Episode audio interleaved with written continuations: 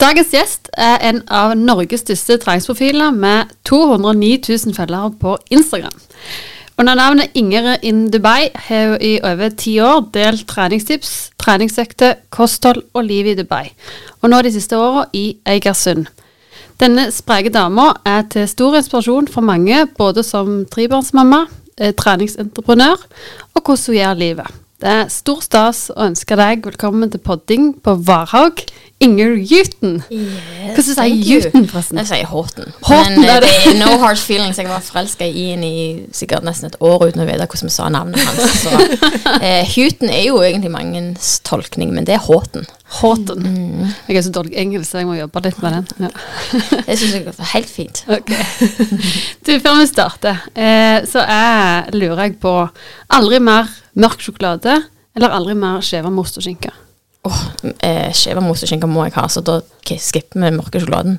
Hallo, jeg spiser jo mest melkesjokolade uansett. Så det er jo- mørk?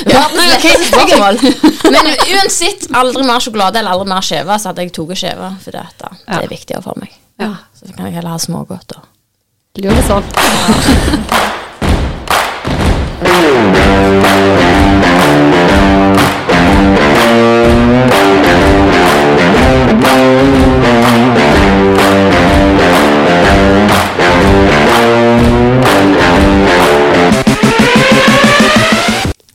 Du kommer stormende inn til Varhaug idrettslag fra Åkka by. Åkerby for seine, det er jo bare Jeg tenkte når jeg kjørte bort, dere kjenner meg ikke, men nå vet dere det at det, hvis vi måtte begynne veldig presist, så burde dere ha sagt at vi begynte veldig presist litt sånn Ti før, ti på halv. ja. Ja. Mm. Men jeg var for seine hjemmefra, men jeg var òg bak mange store seine biler.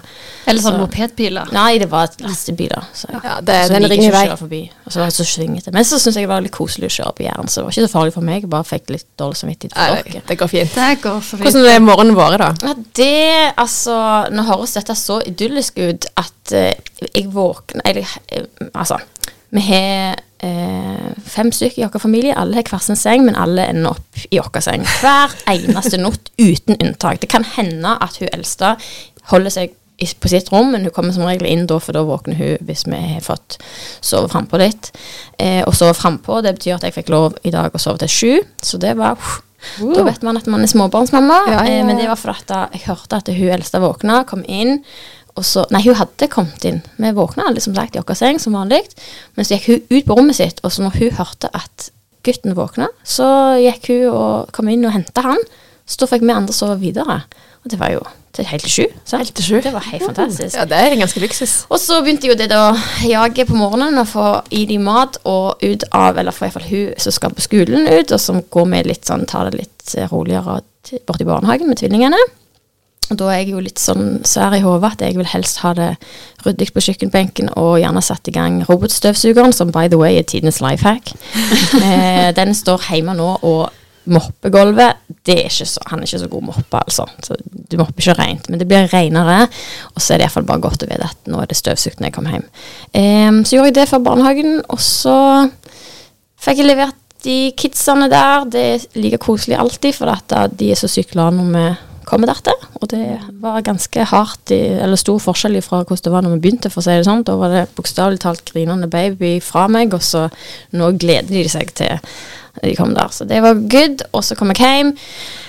Lagde en reel. jeg, det er, og det er Altså, dette her er- altså, det høres jo helt tullete ut, men det er det Jeg satt på do, scrollet, fant en reel, så tenkte jeg åh, den her vil jeg lage et eller annet av. Det var faktisk Kanye West Ja. som snakket om liksom Han begynte å spørre om hvor mye jorda kosta, at han ville kjøpe jorda og lage Altså på en måte lage sin egen verden. Så tenkte jeg det her er jo sånn det er å snakke med unger. Så bare lagde jeg en liten reel på at det er som at jeg sitter og snakker med ungene mine, som er Kanye West og vil kjøpe verden og være konge. Og så syns jeg jo det er veldig løye sjøl, da. Å gå opp til i og bare «Ah, Ser du her, skal jeg lage Han bare alt du kommer på. Og så er jeg bare ja. Og så vil han egentlig sikkert ha snakket litt jobb med meg, for vi jobber jo sammen om treningsappen min. Eh, men det sa jeg at nå har jeg ikke tid til det, for nå må jeg gå. Og så det var litt derfor jeg var sein, for jeg skulle lage den reelen. Og Ja. ja, Det er så- livet til en influenser. det er det i aller høyeste grad, men eh, og, og når det er sagt, så var jo det litt til liksom akkurat i dag, da. Men eh, vanligvis så ville jeg jo hatt litt mer struktur, kanskje. Men jeg tar nok eh, i forhold til holdt over seg vanlige folk som har vanlige jobber, med, der de faktisk må være en plass, så bruker jo jeg mye mer tid på tylling imellom, som er da enten ja, scrolle eller eh, gjøre husarbeid eller sånne ting. Så jeg lurer veldig på hvordan folk med faktiske jobber som ikke får lov å være hjemme. Når gjør de husvask, og når gjør Vi har de skitne hus.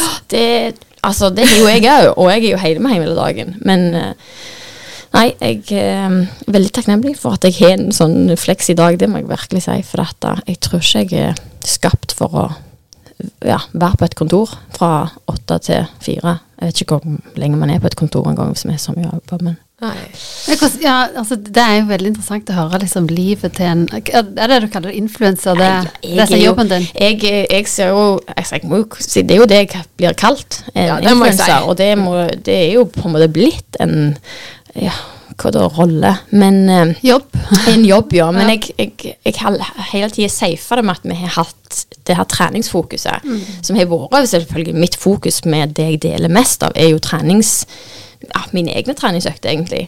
Eh, og, og kanskje, kanskje en litt egoistisk eh, vinkling på det, for jeg har aldri tenkt sånn Hm, det her er en god øvelse for de aller fleste. Mens jeg tenker mer bare OK, det her trente jeg i dag, dette vil jeg vise. Og det da er liksom den samme knebøyen for 50. gang, så kan det allikevel være inspirerende for noen å se at faktisk så er det ikke sånn at du må finne opp hjulet på nytt for å få deg en god treningsøkt. Det er bra å gjøre kanskje de samme tingene litt over tid. Eh, så, så det har liksom hele tiden vært en rød tråd i det jeg holder på med, er treningen. Og nå har vi på en måte bare tatt det enda lenger, at vi har lagd en egen treningsapp der jeg på en måte har abonnenter som abonnerer på den appen, akkurat som du abonnerer på en Spotify eller hva det måtte være, men du får treningsøkter enten i form av frittstående økter eller eh, ja, treningsprogram. Og så er det bare jobben min å holde, holde den i gang og mate på med mer content. Så må du trene mer variert nå. Da, det.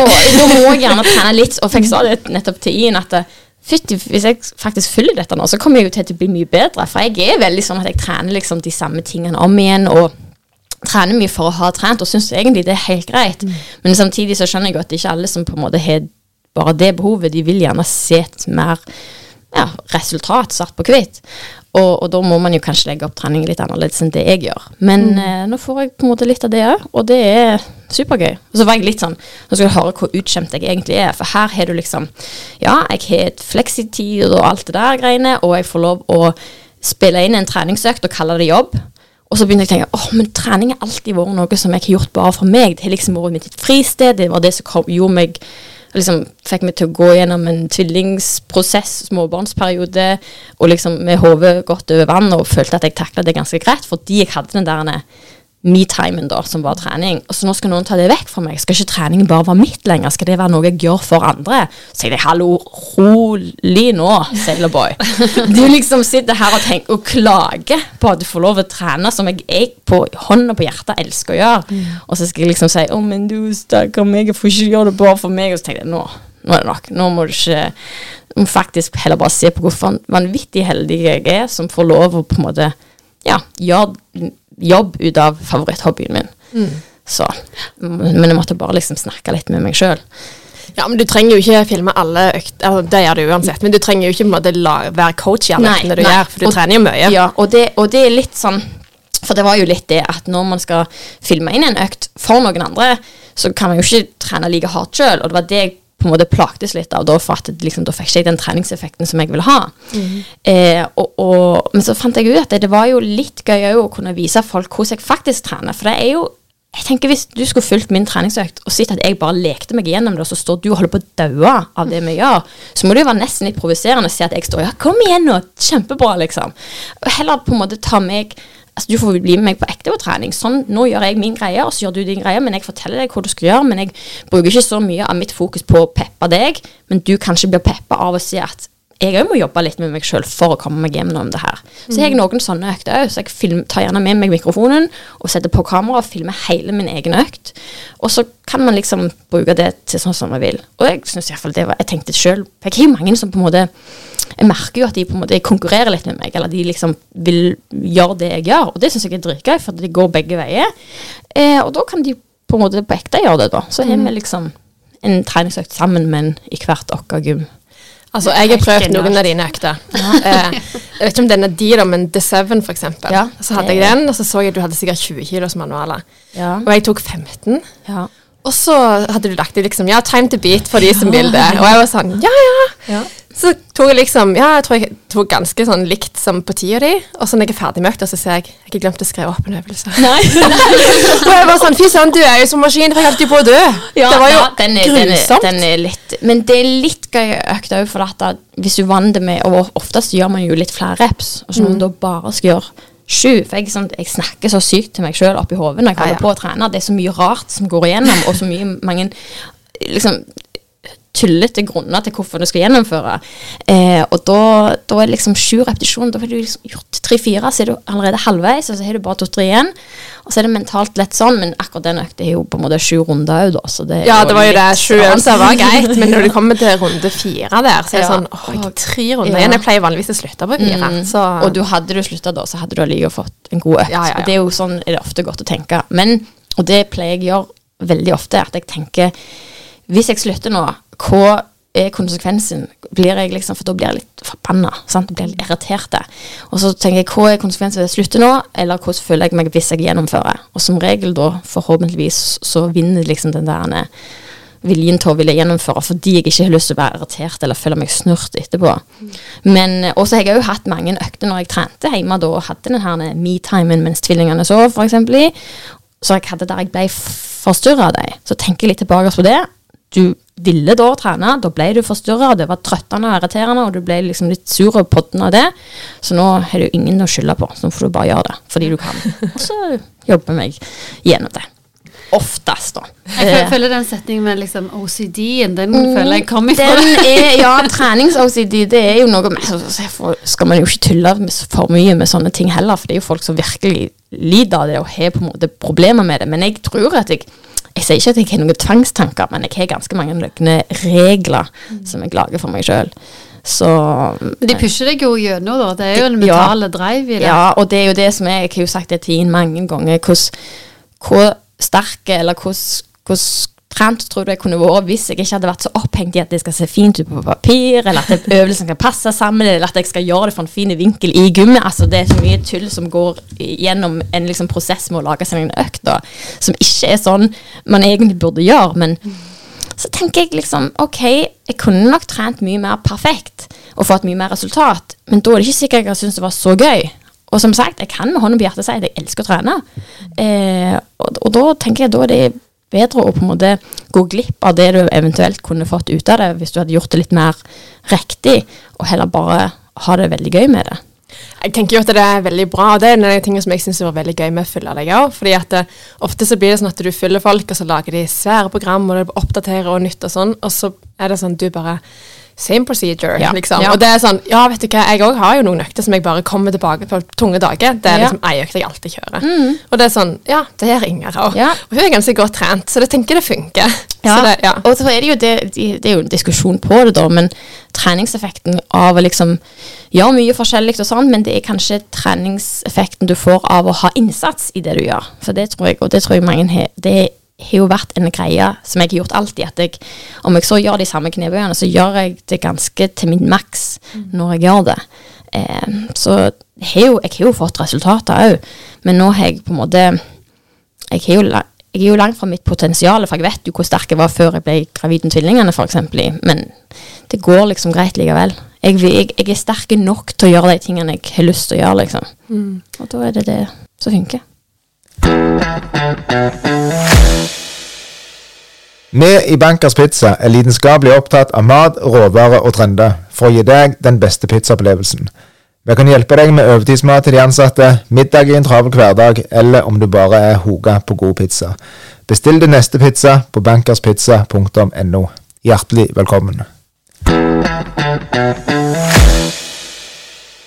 Ja, for det har jo vært en, en reise inni der. Jeg husker jo det, det er sikkert ti år tilbake, når jeg husker noen eh, snakket om bloggen din, og så begynte å, å følge deg der. Så vil du fortelle litt om det? Hvordan, eh, hvordan, hvordan starta dette? Ja, altså bloggen min starta jo fordi vi flytta til Dubai. Og nå er det litt kult at du spør om det i stedet for hvorfor flytta dere til Dubai, for det er jo alltid the million dollar question. Eh, og, og det har jeg ikke noe svar på heller, så det er for så vidt greit. Men vi flytta nå iallfall der for å starte en fysio- og treningsfasilitet, sånn privat, litt mer studioaktig, og så skal det være trening one to one, og, og litt, ja.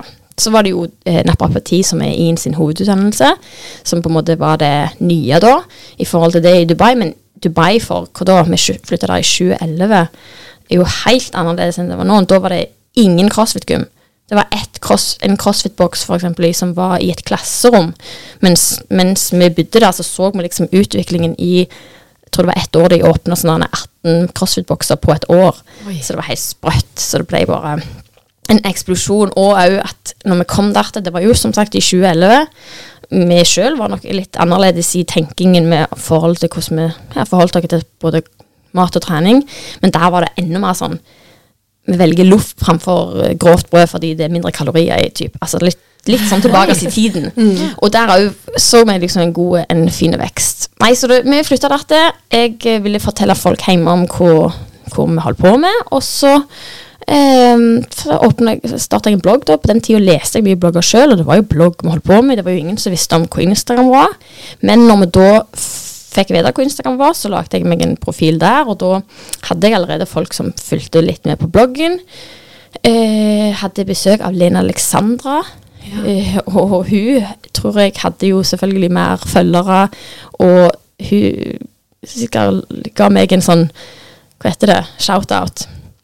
Og så fikk jeg nok mange følgere derfra, og på en måte bare kom Jobbet meg Det var jo aldri et mål om at dette skulle bli noe, noe sånn stort. Det var som sagt Bloggen var bare en enkel måte å holde deg hjemme, venner og familie først og fremst oppdatert om hva vi holdt på med. Mens jeg nok har hatt et sånn et type eksponeringsbehov siden jeg valgte å gjøre det på den måten, eh, og ikke skapte en eh, ja, Facebook-gruppe, liksom, som var privat. Men eh, nei, så ble det bare mer og mer, og så eh, Det var jo en helt annen tid. Med, det var ingen som snakket om influensere da, men du fikk jo gjerne noe gratis greier fordi at du strakk nesen fram i ting, og, og da var det mer at folk bare sendte deg en gratis tights på døra og forventa at du skulle vise den fram, og så gjorde man det fordi man var så glad for det man fikk, eller bare følte seg pliktig til å liksom vise det fram. Akkurat det er jo litt sånn eh, ringt å tenke på i ettertid, for da blir det til at man gjerne sier takk for noe man fikk som man egentlig ikke hadde kjøpt.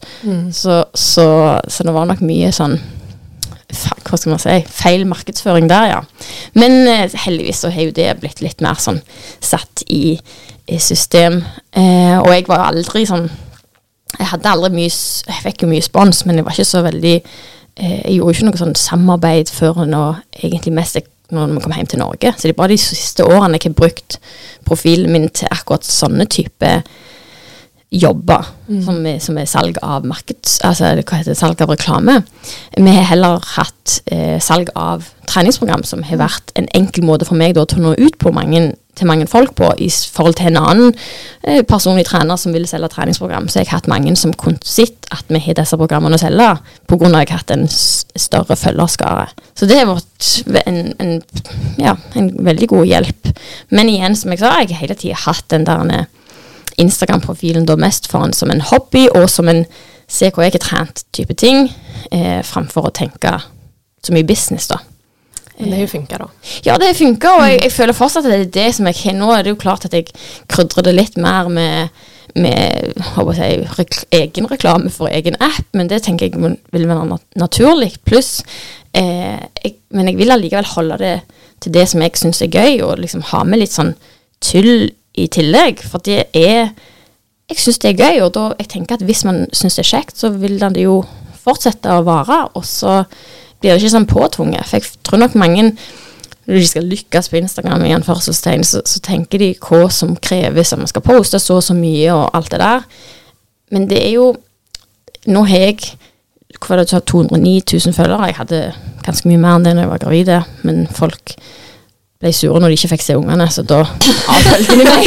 altså, jeg sier sånn, Hvis du vil ha mye følgere på Instagram, så det bare å bli gravid. For det er det noe som trigger folk til å følge, så er det det. det jeg vet ikke hva det, hva det, er med det, men det er liksom Jeg tror det er litt, du, du er litt sånn Jeg husker jo vi gikk jo gravide samtidig yeah. med første. Og det var sånn Jeg følte på en måte at jeg var flink til å trene. Så så liksom du tok pullups der, og jeg var sånn Oh shit, Ja. du er jo helt crazy. Den gikk viralt, Ja, den med- ja, den ene, den ene med pull-up-videoen med sånn, tre dager før termin, tre chins, den gikk viralt, og det gikk heldigvis etter jeg hadde fått Kaja, for da og det er jo liksom en sånn greie som har vært gjennomgående i min Instagram-reise òg, da, er at jeg har sjelden fått negative kommentarer. Det har liksom vært veldig lite av det. Jeg kan huske den første negative kommentaren jeg fikk, omtrent, fordi at da var det en mann som lurte på hvorfor jeg hadde på meg bikinitopp. Fordi at jeg hadde jo ikke pupper. Og jeg var jo enig med han, men jeg bodde i Dubai, og jeg hadde ikke lov å sole meg toppløs. Så det var jo ikke noe mye pupper å skjule, men jeg måtte liksom. Så, men, men sånn på jevnt over så, så, så hadde jeg jo liksom hatt veldig lite sånn kritiske kommentarer, og det tror jeg nok har vært mest for at det, var mest trening jeg delte, og folk forsto og visste at jeg kunne en del om det, så satte jeg ikke så mye spørsmålstegn med det. Men når jeg da ble gravid og liksom ble mor, da er det jo halvparten av befolkningen omtrent som hadde en mening eller en erfaring eller noe de ville prakke på meg, innbak, liksom innpakket i noe som skulle høres ut som et velmenende råd, men som egentlig bare var en pekefing. Så da fikk jeg mye mer eh, ja, kritikk. Det blir jo ofte sånn mamma-politi og sånn. Oh, Gud, ja, jeg husker men- spesielt en gang du var ute og kjørte. Altså, Ja. Dette sitter liksom ennå i, for jeg hadde Ja. jo unge samtidig. Jeg fikk noen uker etterpå deg. Og så hadde du liksom glemt å ta opp det der håndtaket på bilstolen, så skal du la ut en film liksom bare sånn Ja, jeg vet, jeg visste faktisk ikke om det. Takk for liksom. Jeg var sånn Ja, det er jo en lure ting å Jo, huske. men, og det er kult at du husker det, for det er jo en sånn ting jeg pleier å ta opp som et eksempel. da, At det er ikke, mamma og politiet er ikke bare der ute for å liksom kjefte på deg. De hjelper jo faktisk òg, for det Ja, ja. visste jeg legit ikke at den der håndtaket som du holder Det trodde jeg bare var til hjelp til å bære bilstolen og tok den ut av, men det hadde faktisk en funksjon. Så Ja, jeg lærte noe av det. Ja, Så, det, det, liksom man, man, det, det er klart at det er mye positivt men på generell basis er det jo sånn at man får kanskje sånne råd eller ting som man jeg vet ikke om jeg egentlig hadde sagt det til ei venninne en gang, så sant hun ikke hadde spurt meg veldig direkte. Eh, og jeg husker at det var masse sånn jeg tenkte Kan du ikke bare la tvilen komme meg til gode? Vi var jo mye på stranda da, hadde vi oss vogna på stranda, og så dekte man over den litt med et håndkle, sånn, for det kan ikke så god eh, solskjerming på den vogna. Men jeg dekte jo ikke over håndkle. Altså sånn, sånn som man, man skal jo ikke dekke over vogna, det vet jeg jo. Og det er liksom, Men på et bilde jeg hadde tatt når du så vogna i bakgrunnen, så så det veldig sånn ut. Og da hadde jeg så lyst til å kommentar, kommentere tilbake at bare, men jo, jeg er dekna til helt sånn at hun blir varm, sover enda dypere og kanskje sover veldig lenge, sånn at jeg kan sole meg lenge. Jeg hadde lyst til, sånn, jeg hadde lyst til å svare noe idiotisk tilbake, altså, fordi de var så idiotiske som trodde at jeg på en måte hadde dekket et stort badehåndkle over hele vogna. I liksom, hva da, 40 grader. Så det var Nei, det var, det var mye annerledes kommentarer. Men igjen, jeg tror det handler mye om at man bare holder det ekte. For da, da er det ikke noe sånn Ok, da var jeg ganske ærlig om at ja, her med bilsete, jeg hadde ikke peiling, men jeg skal ikke late som at jeg kan noe mer enn det jeg kan. Og så at man på en måte bare har en sånn dialog med følgerne, og så tror jeg nok de fleste ja, setter pris på det, da. Og ikke er For hvis jeg eh, Så min guilty pleasure er jo at jeg går inn på Kvinneguiden og leser sånn. Nei, nei, nei. Jo, jo. Gjør du det? Jo, jo. Ikke meg sjøl, jeg leser om alle andre. og, og jeg kjent, for det er jo ingen som bryr seg om meg. Sant? Det er det som er Jeg får liksom smooth sailings. Jeg får jeg har nok folk som bryr seg om det, til at de liksom ja, gir meg likes og, og på en måte kjøper treningsprogrammer og noe. Men ikke så mange følgere at jeg får masse sånn kritikk. Og det er jo det som er litt ja, veldig fint, da. For jeg tror ikke jeg hadde takla å stått i sånne stormer. Når det er sagt, så tror jeg at de influenserne som står i stormer, de må like det litt. For jeg tror det er mye man bare kunne holdt kjeft om hvis man ikke hadde lyst å på en måte ja, få så mye kritikk. Selvfølgelig visse ting man skal stå opp for å snakke høyt om, og det, det er klart, men jeg tror mye av det òg ofte føles ut som folk er bare ute for å provosere. Eh, Men, men så går jeg inn på Kvinneguiden, og så ser jeg av og til at mitt navn dukker opp, og så får jeg setter jeg hjertet i halsen omtrent. Men heldigvis er det ikke så mye action der. Men der går jeg inn og ser liksom ja, hvor mye kritikk og hvor mye folk kan bry seg om og kjefte på og snakke om. og så da blir det jo til at man på en måte, iallfall jeg tenker sånn hver gang før jeg poster noe, et steg før. Hva kan de ta meg på her? Så heil, å si at jeg er helt ekte, det er jo ikke helt sant. For jeg hadde jo vært kanskje litt mer ufiltrerte hvis jeg ikke skulle tenkt i forhånd at jeg ikke har lyst til å få kjeft, hvis du skjønner. Og så er det liksom sånn, tenker jeg mange ganger, ok, men hva da skal jeg skal jeg ta på meg selen for at det er farlig å kjøre uten, eller skal jeg ta på meg selen for å unngå å få kjeft? Skjønner du? Det burde jo vært at jeg velger å ikke ha på meg Eller velger å ta på meg selen fordi det er det du skal. Ikke for at du skal på en måte helgradere deg for at du ikke skal få kjeft.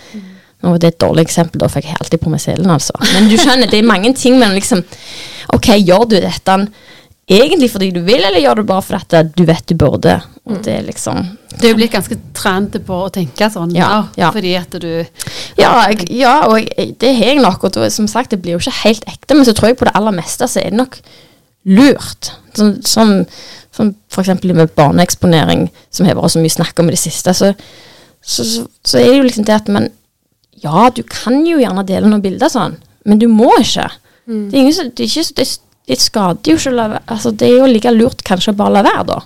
Du, I forhold til det med barneeksponering, fordi du har jo gått en liten reise der lenge før denne Ja, ja. debatten kom. Ja. Fordi du bare tok Du delte ganske mye av Mye. hun eldste, og så plutselig så var det bare smokk stopp. Ja. Og det var, det var egentlig Det var jo fordi at det kom fokus på det. Når vi var gravide i hva da, 2015, ble hun født. Da var det ingen som snakket om sharenting. Det var ikke noe fokus på dette her. Det var liksom vanlig å dele ut. Og eh, hvis svigerinnen min hører på dette her nå, så, så, så, så var hun liksom Hun var bare den rare som ikke delte bilder av ungene sine. Nå er hun Hun er jo liksom den vi alle burde hørt på, skjønner du. Jeg husker jeg tenkte liksom Kom an, er det så farlig da? Men, men det var jo ikke så mye snakk om det. Det var bare de små, få folkene som hadde gjort et valg om å ikke gjøre det, for de visste hva feil det egentlig er. Og, og jeg var jo, som sagt, jeg delte mye, og jeg delte altfor mye, og det var litt sånn når jeg kom hjem, Det var litt fordi vi bodde jo i Dubai, og ingen der kjente dere. Så det var lett, på en måte, jeg fikk en distanse til det. Det var ingen som så Kaja på gata der og på en måte kom bort og sa 'hei, det jeg kjenner, kjenner meg igjen'. Men når vi kom hjem til Egersund, så sa folk at de følte de kjente henne, for de hadde sett så mye av henne. Og jeg bare Litt koselig var det jo på en måte, men samtidig var det nei, dere kjenner henne jo ikke bare for det. Og det irriterte meg jo, selvfølgelig. Og, og, men allikevel, da reiste vi tilbake til Dubai, og så var det lett å la være å tenke på det. Men så kom det jo mer og mer snakk om det, og jeg husker Jenny Skavlan var veldig på Hun var med på noe Redd Barna sin sånn sharing, Stop Sharing-kampanje. Og så tenker jeg bare Nei, vet du hva. For jeg kan ikke lenger tenke ja, men nå har jeg jo delt så mye av det. skaden allerede skjedd. Men er det noe jeg tenker på mange, mange ganger mye i verden, så er det liksom Eller i livet mitt, så er det sånn at bare fordi du har gjort en dårlig ting, så betyr det ikke at du må fortsette med det. Bare fordi du spiser litt mer sjokolade enn du hadde tenkt, så trenger du ikke spise opp hele sjokoladeskapet, liksom. Så, så tenkte jeg nei, men nå bare gjør jeg det. Og så sa jeg det høyt, og så skrev jeg det ned, og så på en måte ble det gjort. Og da var det jo sykt mye lettere for meg etterpå, når, når jeg fikk tvillinger, og på en måte da var det, det var ikke noe standpunkt jeg måtte ta engang. Det var bare en sånn selvfølge at nå skal jeg ikke dele det heller. Eh, så jeg er sykt glad for at jeg bare gjorde det. Og bare Det er mye jeg ville delt, og mye om og liksom Å, men se så søte de er. Kanskje alle får lov å se det, liksom. Typ sånn. For det er jo sånn man er som forelder. Men da sender jeg den snappen til mamma heller, og så så sier han hun òg det samme, at den burde jo alle fått sett.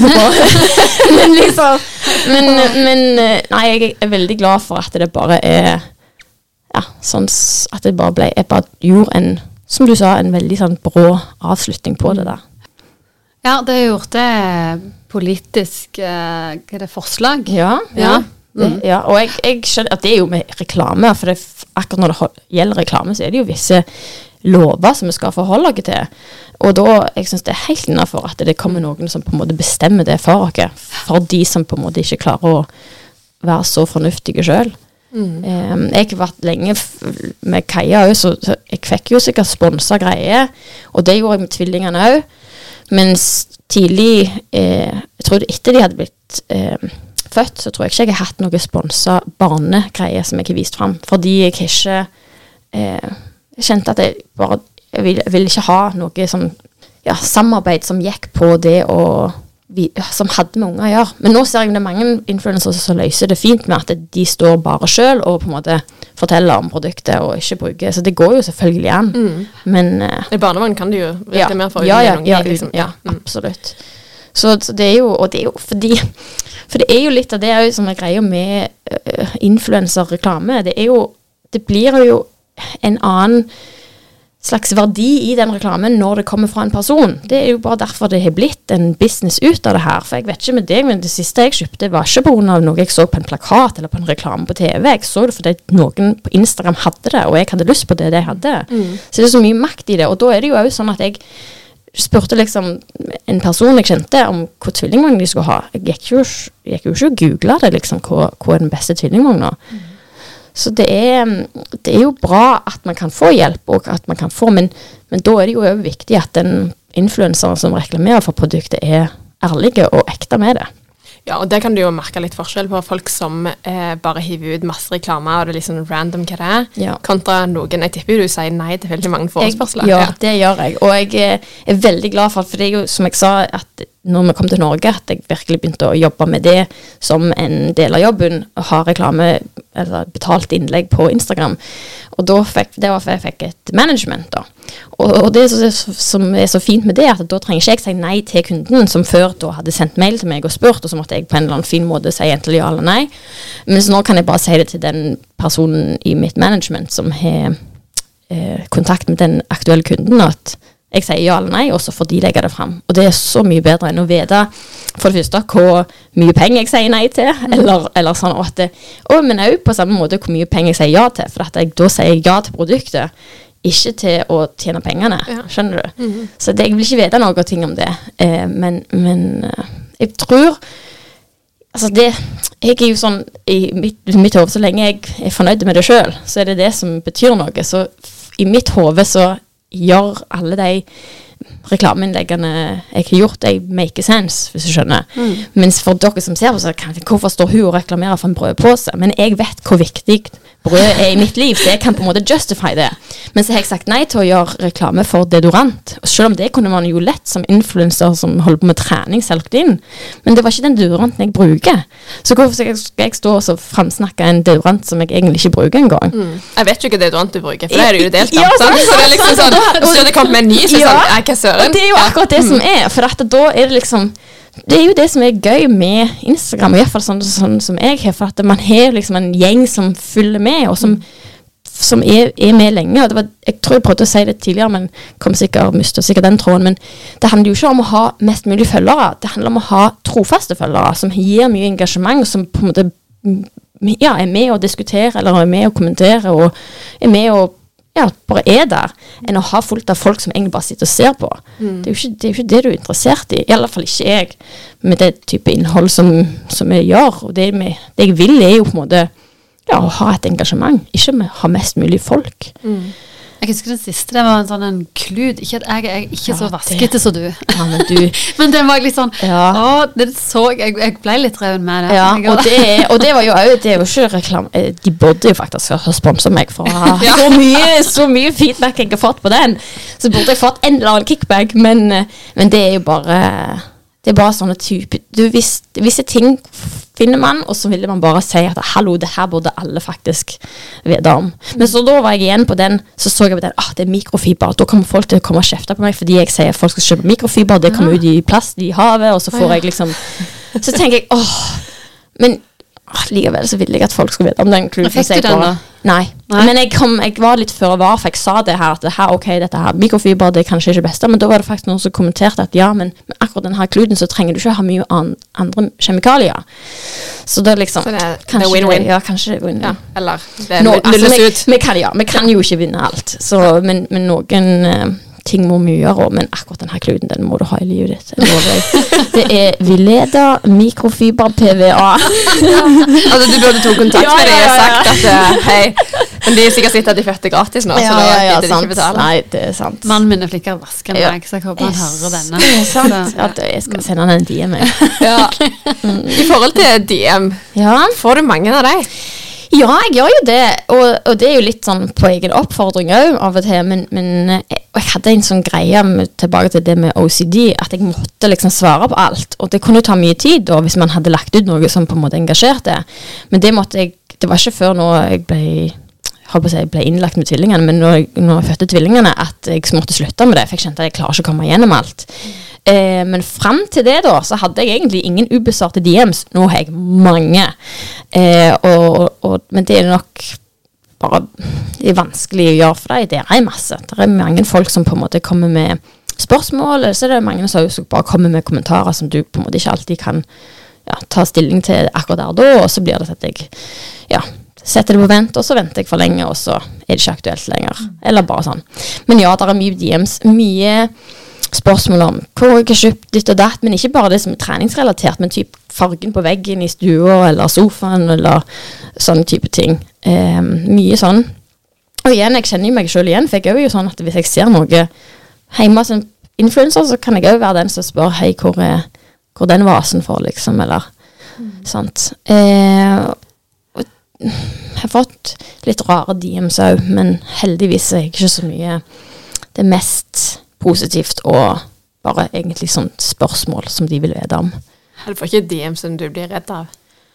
Jeg har fått noen som Jeg blir ikke redd av dem. Jeg blir Du kan filme føttene dine. jeg, ja, ja jeg, har fått, jeg har fått Men det var jo noen som på en måte fra min egen hjemby ville kjøpe sokkene mine.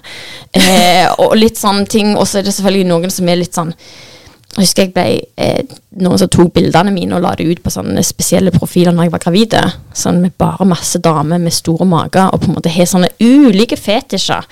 Så det er mange som kommenterer på, på sånn liksom eh, en, en video som jeg husker jeg la ut lenge siden. Det må ha vært i sånn 2012, så du vet ikke hvor mange bilder du må scrolle deg gjennom på min profil for å komme deg tilbake og starte. Men der var ganske nylig en fyr som så en video der jeg satt og gjorde sånn Hva heter det? Sånn calf races med i-en på fanget. Og det tydeligvis likte han. Så dette får litt sånne rare ting. Og så er det jo selvfølgelig sånn der jeg må lov å si det, dickpics. Ja, det? liksom, det har jeg fått. Ikke så mange, men da tenker jeg Eh?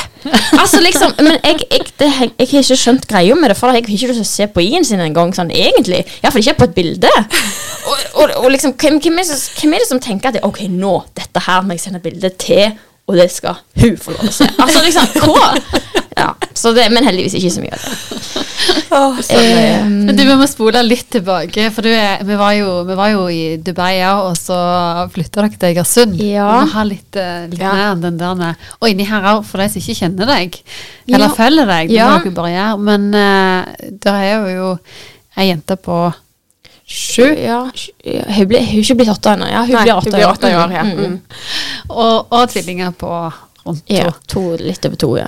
Og så er det liksom å flytte til, fra Dubai til Egersund, eh, fra ett barn til tre barn. Ja. Hvordan er det eh, Jeg, jeg har ikke tenkt så mye på liksom den der eh, Altså, alt det skjedde jo på en gang. Vi, vi var i Dubai, Jeg fikk førsteungen der, og det var når jeg fant ut at jeg var gravid med tvillinger. Jeg visste jo at jeg var gravid, men jeg visste ikke at jeg var, hadde tvillinger. Jeg våg- det her var jo midt i korona òg, vet du. sant? Så det var, det var så mye på den tida. For det jeg skal ta hele historien, jeg, altså. Vi eh, hadde ikke planlagt helt å bli gravide, men vi hadde ikke heller gjort noe for å unngå det, hvis du skjønner. Og så tok jeg en graviditetstest, fant ut at jeg var gravide. Verden luktes ned, og vi hadde jo sykt mye strengere enn dere. Det var sånn eh, full lockdown med altså, Du hadde ikke lov å gå ut av leiligheten. hadde ikke lov å jeg husker jeg sprang jo ti kilometer inne i garasjen fordi at jeg trengte å springe og gjøre den der hjernedøde aktiviteten, men allikevel hadde ikke lov å forlate bygningen. Det var helt grusomt. Og så var alle dere her hjemme bare ute i telt og sov i hengekøye. Jeg visste ikke at jeg hadde så mange friluftslivsvenner før jeg så liksom hele Instagrammen min var full av folk som var ute og bare hadde fri. Eh, Anyway, men så fikk jeg våkne en morgen, hadde litt sånn blødninger, så tenkte jeg å nei. Så måtte jeg søke om jeg kunne få lov å gå, og, og gå til doktoren, og måtte jo selvfølgelig gå alene da, for jeg fikk ikke lov å ha med meg Ja, fikk ikke lov å gå ut to stykk. Og så går jeg, og så får jeg sjekt, eh, og så sier hun at da, hm, alt ser fint ut, og så var vi egentlig ferdige, og så sier hun nei, wait a minute, og jeg bare å nei, det var for godt til å være sant, for da var jo jeg redd for at det var noe gale, siden jeg hadde hatt blod. Så sier jeg 'there's two in here', og jeg bare husker det.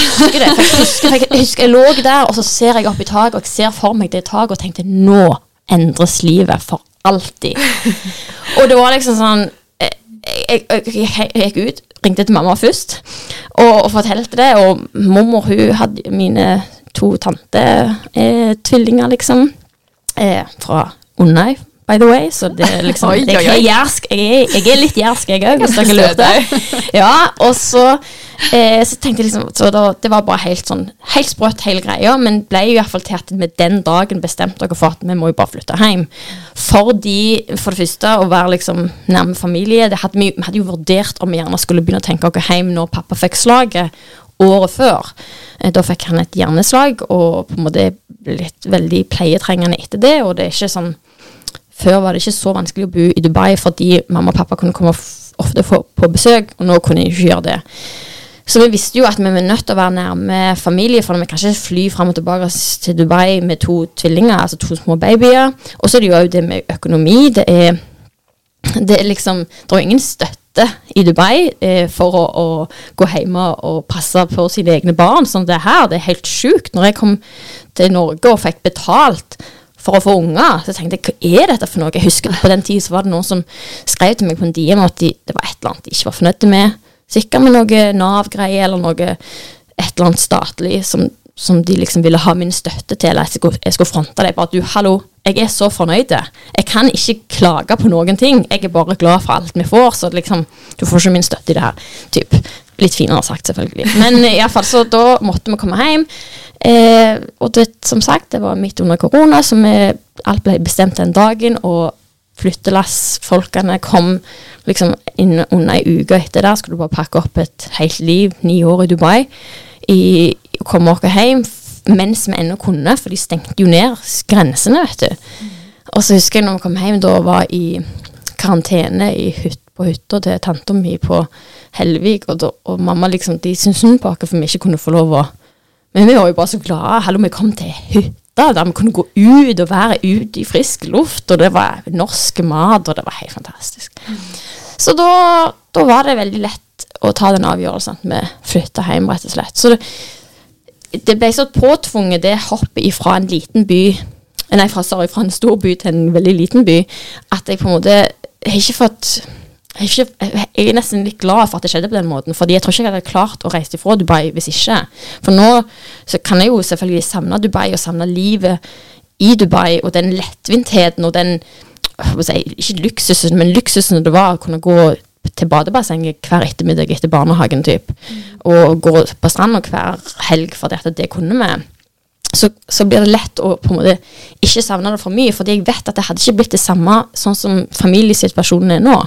Så hele greia endrer seg. Så da, er det liksom Ja, det var Jeg savner jo litt den tida, men da hadde jeg ikke tvillingene. Og ville jo heller ha livet sånn som det er nå.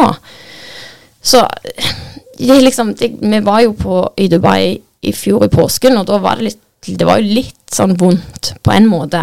Spesielt siden vi var i vår egen leilighet, som på nå hadde vært utleid på Airbnb, og fullt av andre folk hadde sovet i vår seng. Det var helt merkelig. Men allikevel så var det sånn Ja, det var fint å være der, men det var òg greit å komme hjem. Det er jo alt liksom, Jeg vet ikke om jeg blir værende i Egersund for resten av livet, men akkurat den småbarnsperioden og håper si sånn som ja, familiesituasjonen er, så er det så rett at det blir så Det er ikke noe poeng i å tenke på hva som kunne ha vært, liksom. Ja, for mannen din, han er fra Han er fra Sandnes. Mm. Ja. Så det var jo ikke Jeg hadde jo aldri trodd at jeg skulle få han eh, med Egersund. Og greia er, vi bor jo rett ved siden av mamma og pappa. Det er en hekk mellom huset vårt og huset mamma og pappa.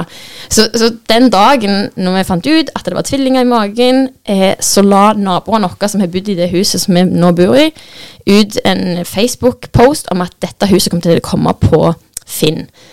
Og da hadde jeg liksom ikke engang tenkt tanken at jeg fikk Ian med meg til Egersund. Vi hadde jo som sagt da bestemt dere for vi må hjem til Norge, men jeg tenkte da blir det sikkert noe Stavanger-Sandnes-opplegg.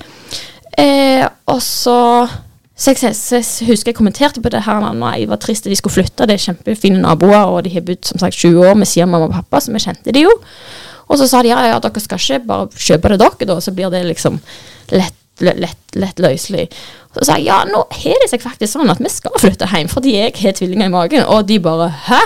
Så det, det huset kom aldri på Finn. Vi, det ble til at vi kjøpte det, og det var Altså, snakk om meant to be. Men bare det at jeg kan bære to tvillinger i hendene, gå over hekken, trenger ikke ta på noe annet enn huet liksom, for å komme over til mamma og pappa, og kunne besøke pappa, som da ikke klarer kanskje så mye støy og så mye ja, som barn kan innebære, så kan vi få det liksom i sånne ja, lette, korte intervaller, og, men ikke minst òg at jeg kan ha mamma over og få hjelp, eller eh, typ jeg, Ian reiser jo ganske mye med jobb, så kan det liksom hun komme over hvis jeg trenger å gå og hente i barnehagen, eller hente en unge på en skole, og det er noen andre unger hjemme. Altså, det er, er så mye bra med å bo med siden av mor.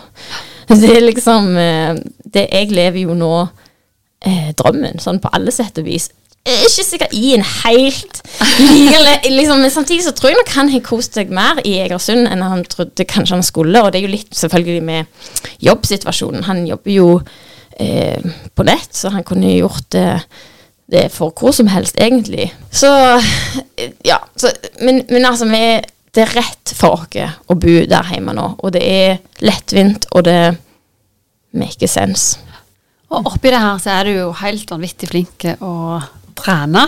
Så det er altså flinke, kanskje, jeg vet ikke om det er det ordet vi bruker, men du har i hvert fall hatt en enorm drive hele veien, både gjennom svangerskap og etterpå, til at selv om du er Altså, jeg kommer jo litt rett ifra den småbarnsbobla, vet du, det med søvn og det, jeg, jeg må ha noen regler i hodet for å gjennomføre. Hva er din liksom eh, Ja, det er vel det som jeg hele tiden prøver Jeg vet hvor godt det gjør meg når jeg har gjort det. Så det er ofte jeg trener fordi jeg har lyst å ha trent. Ikke nødvendigvis fordi jeg koser meg så veldig mye på trening, men jeg kan jo også liksom kjenne at oh, nå har jeg lyst til å gjøre den økta, og jeg vet, for jeg vet liksom hvor utfordringen er da, og så klarer jeg det, og så er det liksom så er det good å kjenne at det, ok, nå er det drittungt, jeg holder faktisk på å dø, men jeg kommer meg gjennom det.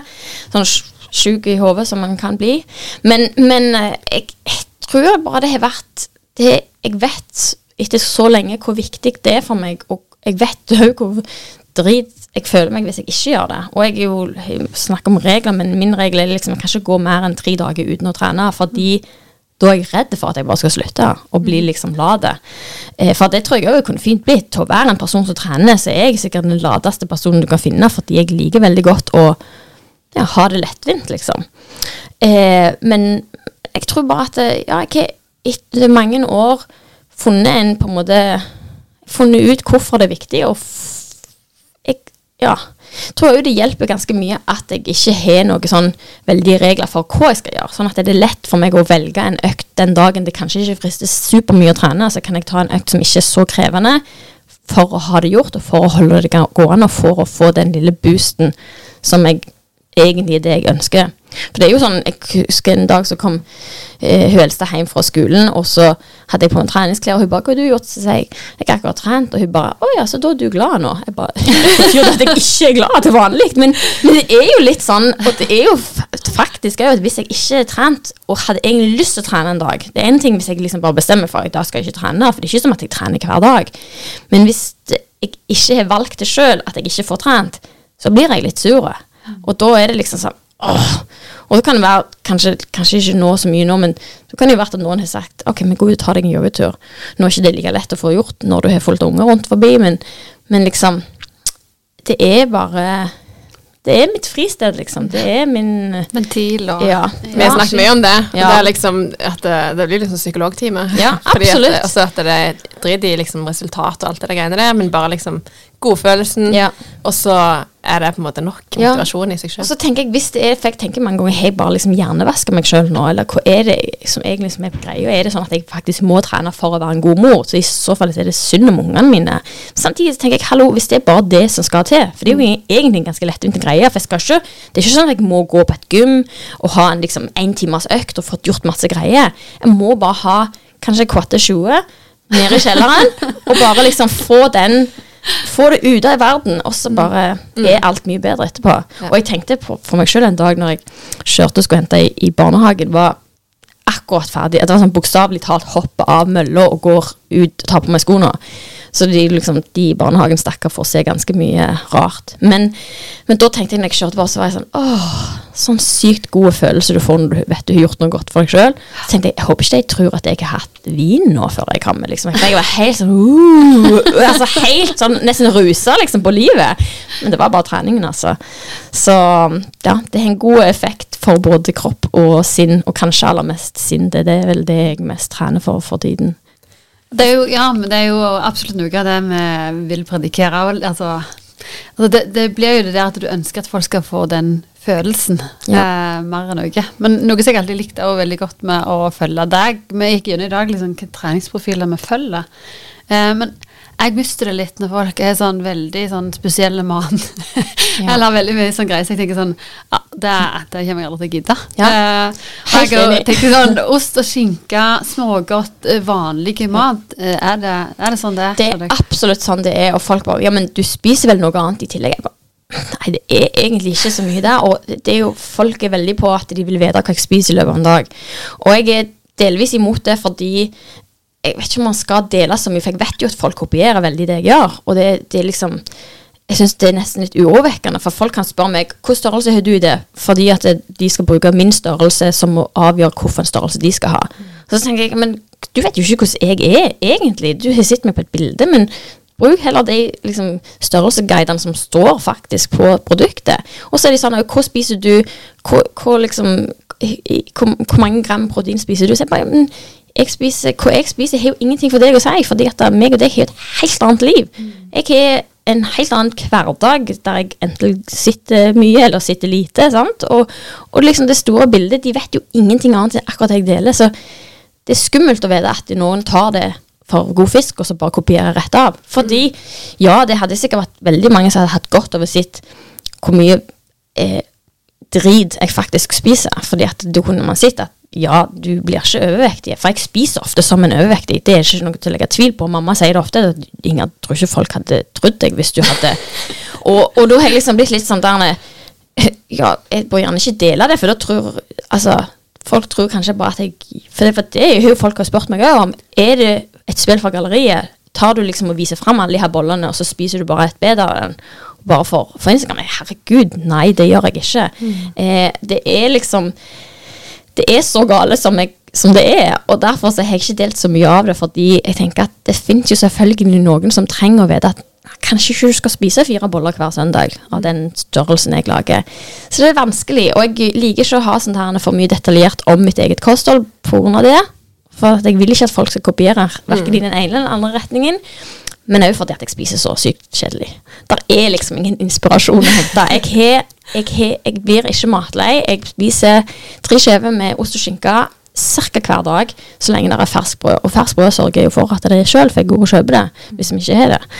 Og så eh, er det liksom middagene som er ganske basic der òg, fordi ja, unger og meg sjøl. Jeg syns ikke heller det er sånn liksom, Jeg har ikke behov for å spise fancy mat. Eh, I går lagde jeg noe som var så fancy som at jeg hadde både curry paste og kokosmelk i, og det var liksom jo, jeg tror jeg spurte inn mange ganger Var ikke dette ganske bra? liksom sant? Og i den oppskrifta så var det så sykt mange flere steg, men jeg bare tenkte jeg prøver bare dette, for at jeg orker ikke ha sånn åtte ulike ingredienser. Men tar jeg min, så tester jeg med det minimumet. For liksom det blir litt sånn at med en gang det blir for det, liksom, å nei, det blir for mye. Jeg må bare ha det veldig enkelt, og så ble det veldig godt, altså. En ting er med denne what I eat in a day, fordi jeg har sett ganske mange av de innleggene. Yeah. Og du ser liksom der smoothie-bowlene som er pynta ifra herfra til månen. Og så er det sånn Jeg tror jo ikke på at de spiser sånn. Nei. Det blir jo til at de lager et veldig instavennlig innlegg. Liksom, Ja. Det er sånn, men sånn som du sier, at det, så spiser du veldig forskjellig. Sikkert mandag, tirsdag, onsdag, torsdag, selv om Ja. du sikkert har brød hver dag. Men Ja. liksom at det, med, det er ikke sånn at liksom alle dagene er like. Nei. Nei, og det er akkurat det som er så Pluss bare det at det er så mye Det er så mye mer med mat. Det er så mye mer komplisert enn bare liksom det, den energien du trenger. Og det er jo her Det er det jo, for dette. Det er jo følelser, det er belønning, og det er straff, og det er liksom alt komplekst. Og som jeg sa, at det er mange der ute som trenger å ha det mye mer strengt.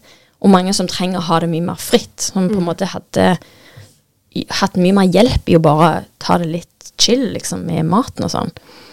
Så, så derfor så Og da tenker jeg ok, men kanskje jeg burde da funnet ut en tilretning som på en måte En, en måte å hjelpe folk på da.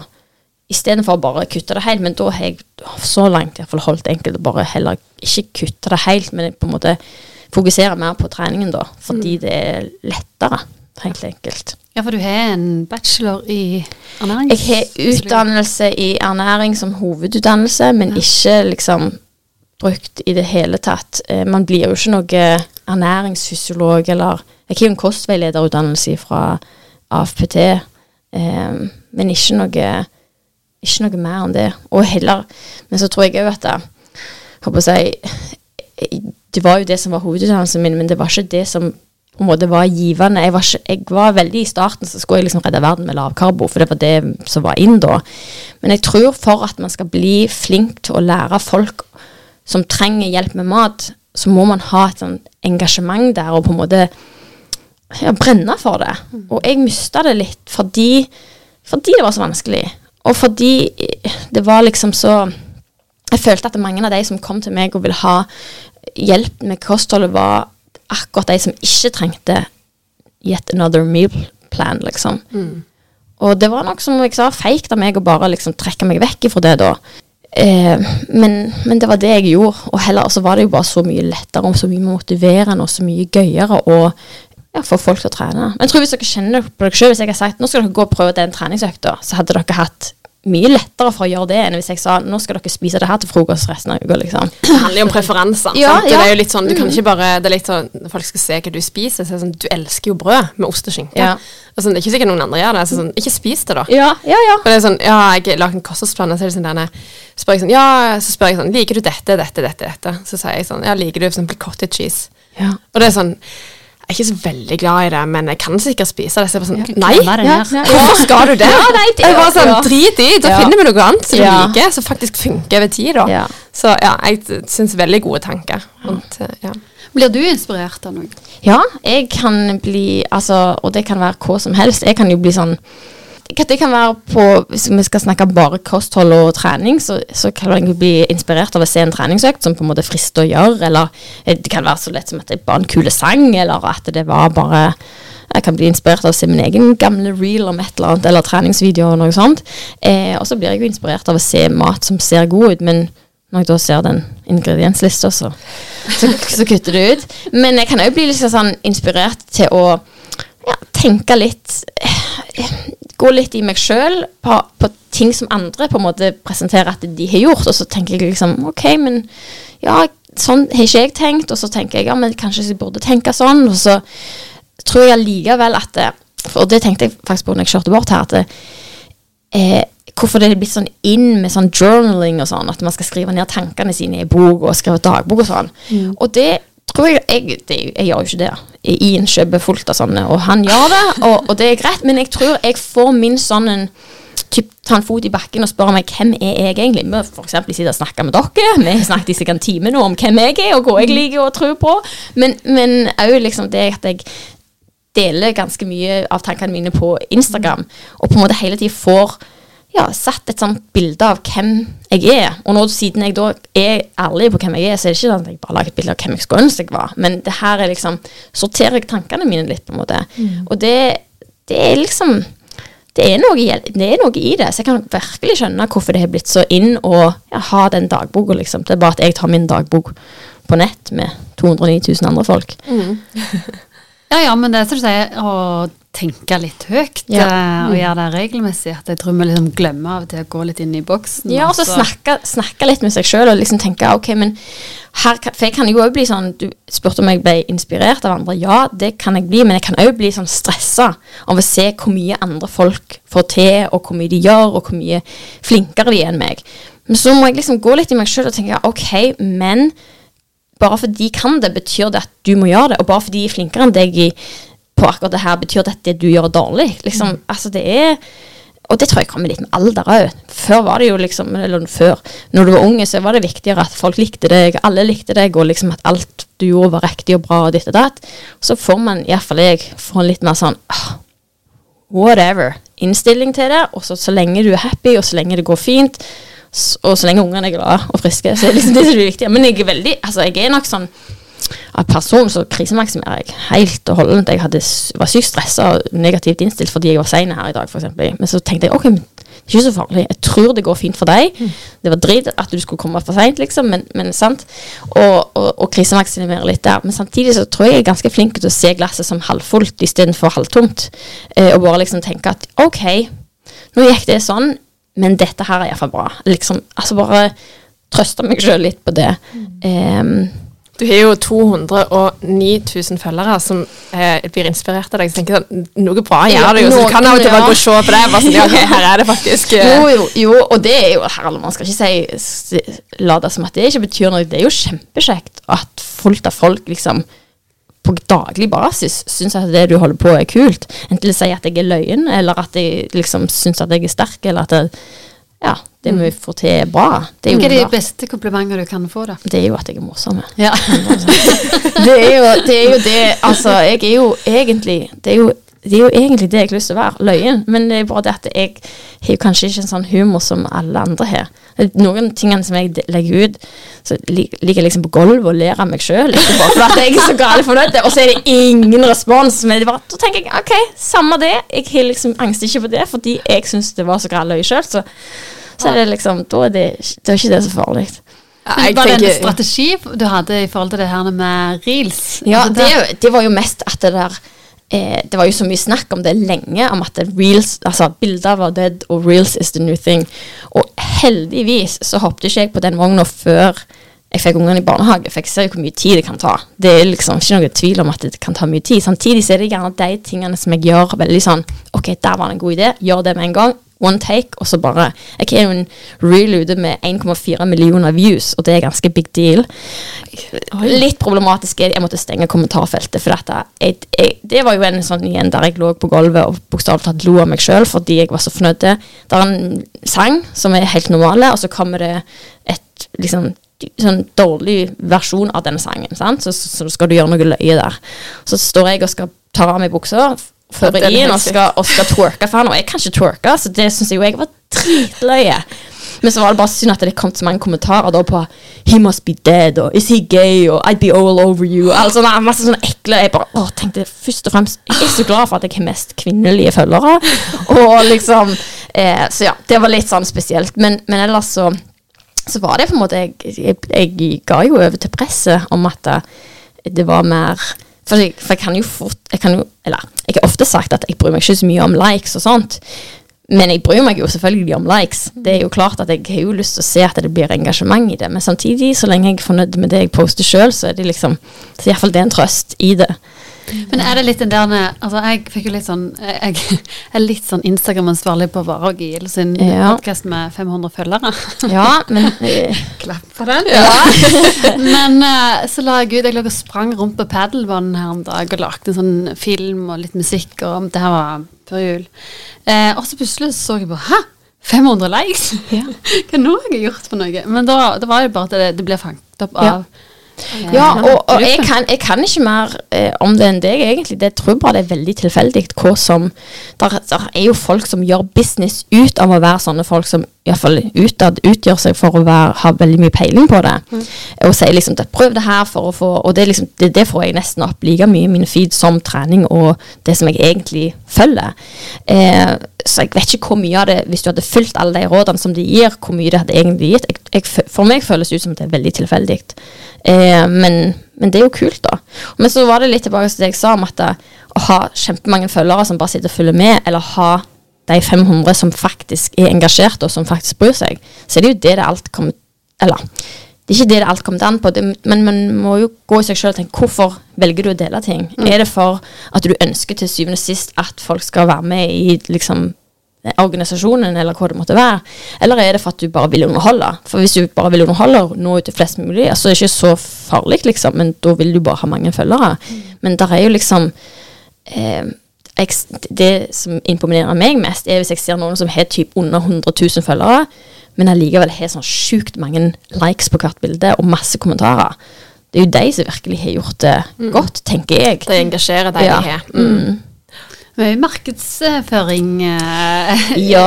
i dag. Ja, ja, ja, sant. Det, men, men igjen så er det liksom sånn Hvis man kan sette, sette seg ned og gjøre en oppskrift, eller på en måte prøve å gjøre business ut av det, så vet jeg ikke om det er rett måte heller. Fordi at det, Nå har jo jeg gjort en business ut av det, men jeg har ikke gjort det med intensjon om å gjøre en business ut av det. Og litt av det tror jeg gjerne er grunnen til at det har gått greit. Men òg ikke minst grunnen til at jeg syns det fortsatt er dritgøy.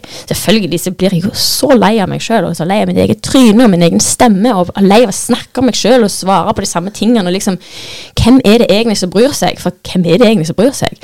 Men så er det jo faktisk veldig mange som bryr seg, og det er jo det som er. Men liksom å åpne den døra eller stille det spørsmålet som influenser, det må du aldri gjøre. For dette, da, kan man jo Da er det jo ingenting som er av verdi å dele. nei. Men så når jeg står og deler den her vaskefilla og får så mange tilbakemeldinger på sakken så god den var, liksom, så er det jo klart at ja, det er faktisk noen som bryr seg, selv om det er helt på trynet. I går sto jeg jo fallaten og bretta strekklagen, liksom. På request fra folk. altså. Men allikevel, det er liksom Ja, det er så mye random. Men så har man jo de sånn, for nå sier jo vel trenden at hva heter det, boomers, eller no, Jeg kan jo ingenting om sånt. Men de som er yngre enn oss, ja, mye yngre enn oss, sånt. de, de bruker jo ikke Google lenger. De bruker jo Instagram og TikTok som på en måte oppslagsfelt for å finne ut om ting. Så det er jo klart at det er jo liksom Det er jo bare sånn utviklingen er. Og så er man liksom de gamle som er litt på Facebook og litt overalt. Jeg er ikke på Facebook, by the way, men, men du vet liksom vi Men, men du tenker liksom at du er av de gamle nå? Å ja, ja. Ja, ja. Men er vi ikke det? Herregud, jeg er jo 137 år gammel. Så det er jo helt Det er liksom Jeg, jeg var på Er dere samme modell, dere? Ja, 85? 85. faktisk. Ja. Jeg hadde en uh, liten visitt på videregående skole, liksom, og så de små ungene som gikk der. Og jeg var jo egentlig så stor når jeg gikk der sjøl. Å gud, nei, det var Men det var jo 19 år siden vi var russ. 19. Ja, altså jeg husker også at jeg hadde faktisk foredrag på videregående. Så sa jeg sånn ja, Jeg òg gikk her for noen år siden. Ja. I, altså, Ja, det var i hvert fall ti år siden jeg gått eh, når jeg holdt det. Så det ja. At det ja Kjenner det drar litt på året. Men hallo, jeg, man blir jo voksen ganske fort når man får unger. Det er liksom det, det er der jeg drar linja. Men så er det jo på en måte folk som er kjempemye yngre enn meg, som ja, både ikke har unger og har unger. Så det er liksom ja. Men jeg, det der, da ble jeg jo voksnere, iallfall. Mm. Du skal ikke hive deg på TikTok og sånt? da? Åh, jeg har en TikTok-profil. Bare for at nå har det har jeg mitt navn, tror jeg faktisk. Inger Håten. Men eh, jeg har to TikToks ute, så jeg vet ikke om jeg orker det. Men det er jo det de sier, alle sammen, så det kan jo være at jeg eh, Jeg føler at der er det litt mer Det er litt av det samme, bare at det skal ikke være så blankpolert, og det liker jeg jo veldig godt.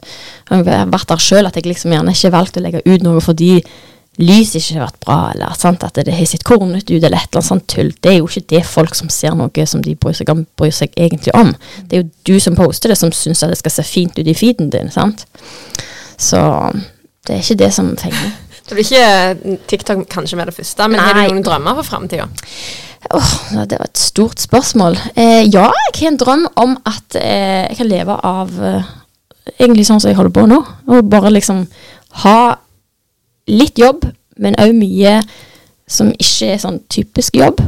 Eh, og at det går bra med den her treningsappen min, da. Tren minger. Inger. Plugga den hardt. Tren minger. Søk det opp, søk det opp på Instagram! Nei da. Eh, søk det opp på Apple Store. Eh, nei, men, men eh, Nei, det er vel jeg, har ikke så mye drømmer. Jeg føler jeg lever drømmen. Hallo, jeg, som jeg sa, jeg får betalt for å trene, og jeg får lov å gjøre litt sånn Jeg får lov å være hjemme, hente i barnehagen hver dag, levere i barnehagen når jeg vil, ta meg lett fri fra jobb de dagene ungene er syke, uten at det skaper mye kaos. Og allikevel ha en jobb som gir meg det som en lille stimuli som jeg trenger. Men når det er sagt, og det her er på en måte meg som person Jeg er jo ikke en person som har drømt noen gang om å ha noe karriere eller ha noe Jeg skulle bli mamma når jeg var liten. Det var det jeg ville bli. Jeg skulle, jeg skulle ha hus og hjem og barn og liksom det der greiene. Jeg har aldri drømt om å bli det ene eller det andre. Jeg vet fortsatt ikke hva jeg skal bli når jeg blir stor. Kanskje en dag må ha meg en skikkelig jobb, men jeg håper nå at det kan være noe innenfor trening, da iallfall. Så liksom eh, Ja, jeg har jeg har et godt ekteskap, og jeg har friske unger, og jeg har foreldre som bor nærme. De er ikke så friske som de burde fått lov til å være, men liksom Det er mye som er veldig bra i livet allerede, så det blir liksom teit å drømme så mye mer. Hadde vært fint å være gjeldsfri, da. Så. Ja. så en gang så kan vi kanskje komme dertil. Men Vi kjører i gang med noen uh, faste spørsmål. OK, OK, OK. Og uh, det passer jo godt uh, Apropos gjeldsfrie, liksom. ja. Men eh, om du vant 50 millioner i Lotto, hva ville du brukt dem på? Ja, da var det å betale ned gjelda. Eh, hmm. 50 millioner, hvor mye, hvor mye kommer man der med? Før var det sånn 1 million, da kom du ikke langt med i det hele tatt. Nei, det er det vi tenkte. Altså kanskje 1 million. Det er 50 liksom- millioner har man egentlig nesten litt økonomisk frihet da. Det vil jeg påstå. Ja, sant. Kommer an på hvor mye gjeld du har på et hus i Egersund, da. Ja, men jeg har alltid tenkt sånn at Ja, men vi har jo hus i Dubai òg, vet du. Ja. Så, så, men jeg har alltid tenkt sånn hvor, Hvorfor gidder folk som har så sykt mye penger, å jobbe? For vi treffer jo mange, mange sånne folk i Dubai da, som hadde liksom sånn helt vilt fine hus, og de jobbte, eller hadde så mye penger, men allikevel jobbet seg egentlig sjuke. For at det, så tenkte jeg ok, det er jo en annen grunn til for det første at de hadde mye penger da, men så tenker jeg okay, hvis du bare fikk masse penger, så hadde jeg jo villet slutte å jobbe. Men samtidig, akkurat nå så vil jeg jo ikke slutte å jobbe, sånn som jeg jobber. Um, men jeg ville gjerne hatt pustet opp huset, kanskje, iallfall. Eller at vi bare tok hele familien og flytta til en plass der det var litt finere vær. Ja. For jeg savner veldig å ha ja, sol, sol og varme og de der. Skjønner den. Hva er din favorittfilm? Hmm. Eh, jeg, jeg kunne jo sagt The Greatest Showman, liksom, for at jeg syntes den var dritgøy. Men så var det noen som dissa den så sykt mye, så da høres gjerne jeg ut som en ikke-smart person. Men jeg er Jeg, jeg har ingen én favorittfilm, men typ sånn Hunger Games og sånne ting har jeg alltid syntes var gøy. Eh, og så elsker jeg Jim Carrey, så alt han er med i. Altså Nei, jeg har ingen fav én favorittfilm. Nei, men du har mange gode tips der. Ja. Mm. Hvis du kunne outsource en oppgave resten av livet ditt, hva ville du da valgt? Mm, og det var et meget nice spørsmål. Outsource en oppgave, noe jeg aldri har mer lyst til å gjøre. Nei, for det er, fort sagt sånn husarbeid, men det er litt sånn å gjøre For det, det outsourcer vi jo i Dubai, og da kunne jeg faktisk For da, der var det veldig vanlig å ha noen som kom og vasket, og da kjente jeg at det var jo selvfølgelig sykt nice. Men jeg savna òg litt den der klapp deg sjøl på skulderen-følelsen du får når du har gjort det sjøl. Jeg følte du verste den terrassen hele veien. Ja, det var grævlig trøttende, for de heiv ned sigaretter på vår terrasse, og det var farlig. Det kunne jo, vi hadde noen lagen som hang ute i tok, som kunne tatt fyr, og noe sånne greier. Men en ting jeg aldri mer ville gjort uh, Det var så stort spørsmål, det var så viktig. mm, jeg syns jo masete å vaske håret. Det hadde vært grælig gud hvis noen kom og vasket håret for meg hver dag. Ja. Hadde ikke det vært nice? Ja. Slippe å gjøre det, alt det der styret, for det er jo godt å få liksom den få Det litt massasje på det. Ja, det er nice, det. For det er ikke noe jeg syns er så gøy gjøre. Det er veldig godt når det er gjort, da. Litt Ja. sånn som trening. Ikke alltid godt, uh, gøy å gjøre det, men det er veldig godt når det er gjort. Ja, Jeg tenker det- på den. Jeg skal tenke på den. Jeg gir det som et foreløpig svar, men den skal jeg tenke på. Hvis du fikk vite at du bare hadde ett år igjen å leve, hva ville du da gjort? Da ville jeg Da hadde jeg fått med meg de 50 millionene, da. For jeg ville jo gjerne ikke Å nei, gud. Da måtte jeg spilt inn fullt av sånn videoer til ungene, sånn at de aldri skulle glemme hvem jeg var. Jeg slutter å spørre om sånt når vi hadde det så koselig. Jeg skal leve masse mer enn nytt. Det skal være litt mer trivielt enn det. da Det var ikke liksom, Du skal ikke se for deg på begravelsen. Prøv å tenke litt mer fordi sånn. at jeg ikke det, det, noe du skulle ønske er- at du kunne gjort, eh, så, eller noe du, noe du har på bucketlisten som du ikke har gjort? Ja, ja, jeg har lyst å ta mamma med, så hun kan få se et gospelkor i levende livet, liksom. Sånn, sånn, type, sånn skikkelig gospelkor som du ser på fjernsynet med. Sånn i USA, liksom? Ja. ja. Sånn soulful people. Oh, Det hadde vært kult å kunne gjort det for henne. Det hadde hun fortjent. Men kanskje vi kan se Oslo gospelkor? Fins det ennå? Nei. jeg Ja, det tror jeg. ikke det? Det tror jeg. Men det hadde, jeg ser for meg sånn da eh, Det er ikke lov å si farge og sånt, men liksom du ser for deg hvem jeg ser for meg. Ja, ja, jeg ser for meg den amerikanske- ladies, ja, ja, som ja. bare Mm. uh, ja, Det hadde vært konge. Koselig. Ja. Du, vi skal runde av, Inger. Fy søren, så kjekt eh, å ha deg med her. Ja, Det- det, altså, det var, god å jeg sa til dere at dere skal ja, godt gjøre så holde en rød tråd i det her. Jeg føler vi har vært all over the place, men Nei, eh, Det er det vi liker. Det er jo, Sånn vi er jo er nysgjerrige på hvem du er, og veldig veldig spennende å høre historien og tankene dine rundt uh, alt mulig. Dritkjekt at du kom ut til Varhaug. det var kjempekjekt å få komme. Det var veldig gøy å være på et, i et ekte podkaststudio. Ja. Men vi tar den på skuldra at vi har fått deg for første gangen i et studio. Ja, faktisk. Det er ikke først podkasten, men definitivt første gang i et studio, ja. så det er kult. Den tar vi. Tusen takk for at vi kom. Veldig kjekt.